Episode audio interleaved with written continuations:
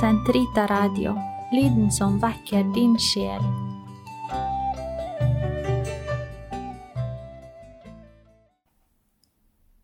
Den katolske kirkes katekisme, uke 23, tirsdag, paragraf 369 til 379. Mann og kvinne skapte han dem. Likhet og ulikhet villet av Gud. Mann og kvinne er skapt, det vil si at de er villet av Gud, på den ene side i full likhet som menneskelige personer, på den annen side som henholdsvis mann og kvinne. Å være mann og å være kvinne er godt og villet slik av Gud. Mann og kvinne eier en umistelig verdighet som er gitt dem direkte av Gud som har skapt dem. Både mann og kvinne er på en likeverdig måte i Guds bilde. Ved å være mann og kvinne gjenspeiler de skaperens visdom og godhet. Gud er på ingen som helst måte i menneskets bilde. Han er verken mann eller kvinne. Gud er ren ånd, uten plass for kjønnsforskjeller.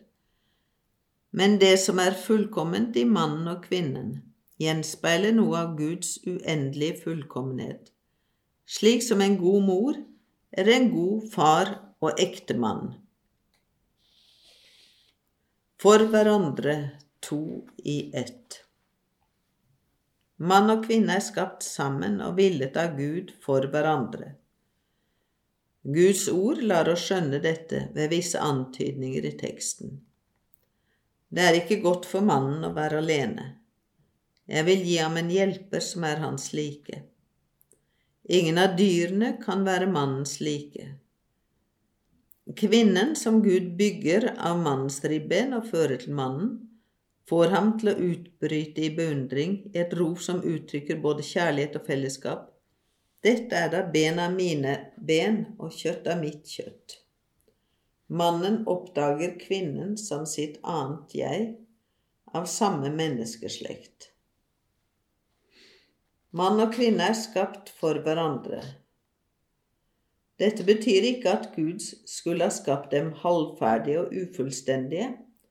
Han har skapt dem til fellesskap som personer, et fellesskap hvor begge skal være en hjelper for den andre, fordi de både er like som personer, ben er mine ben, og samtidig utfyller hverandre som mann og kvinne. I ekteskapet forener Gud dem slik at de to er ett kjød og kan føre livet videre. Vær fruktbare og bli mange, fyll jorden. Ved å videreføre menneskelivet gjennom sine etterkommere samarbeider mannen og kvinnen som ektefolk og foreldre på en uforlignelig måte med skaperverket. Etter Guds plan er mannen og kvinnen kalt til å legge jorden under seg som Guds forvaltere. Dette herredømmet må ikke utarte til vilkårlig ødeleggelse. Etter Skaperens forbilde, han som elsket alle som alt som er til, er mann og kvinne kalt til å ha del i Guds forsyn med resten av skaperverket. Derav kommer deres ansvar for den verden Gud har gitt dem i varetekt. Mennesket i paradiset. Det første mennesket ble ikke enkom skapt godt. Det ble også innsatt i skaperens vennskap, i harmoni med seg selv og med skaperverket rundt seg. Et vennskap og en harmoni som bare overgås av herligheten i det nye skaperverk i Kristus. Kirken, som i lys av Det nye testamentet og tradisjonen tolker Bibelens symbolspråk rett, lærer at våre første foreldre Adam og Eva ble innsatt i en hellighets- og opprinnelig rettferdighetsstand.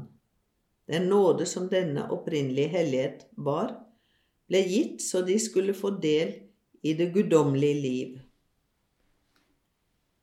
Ved nådens glans ble alle sider ved menneskelivet trygget. Så lenge mennesket forble i Guds fortrolighet, skulle det verken dø eller lide. Menneskets indre harmoni med seg selv, det harmoniske forhold mellom mann og kvinne, og det første menneskepars liv i harmoni med resten av skaperverket, utgjør det som kan kalles den opprinnelige rettferdighetsstand. Det herredømme over jorden som Gud hadde overgitt mennesket helt fra opphavet av, utøvet mennesket selv først og fremst i form av selvbeherskelse. Mennesket var uberørt og ordnet i hele sitt vesen fordi det ikke var bundet av det trefoldige begjær som gjør det trellbundet av sanselig lyst, begjær etter denne verdens goder og selvhevdelse i strid med hva fornuften tilsier. Det er et tegn på fortrolighet når Gud setter mannen i haven. Han bor der for å dyrke og passe haven. Arbeidet er ingen straff, men gir mannen og kvinnen anledning til å samarbeide med Gud i å gjøre det synlige skaperverk fullkomment.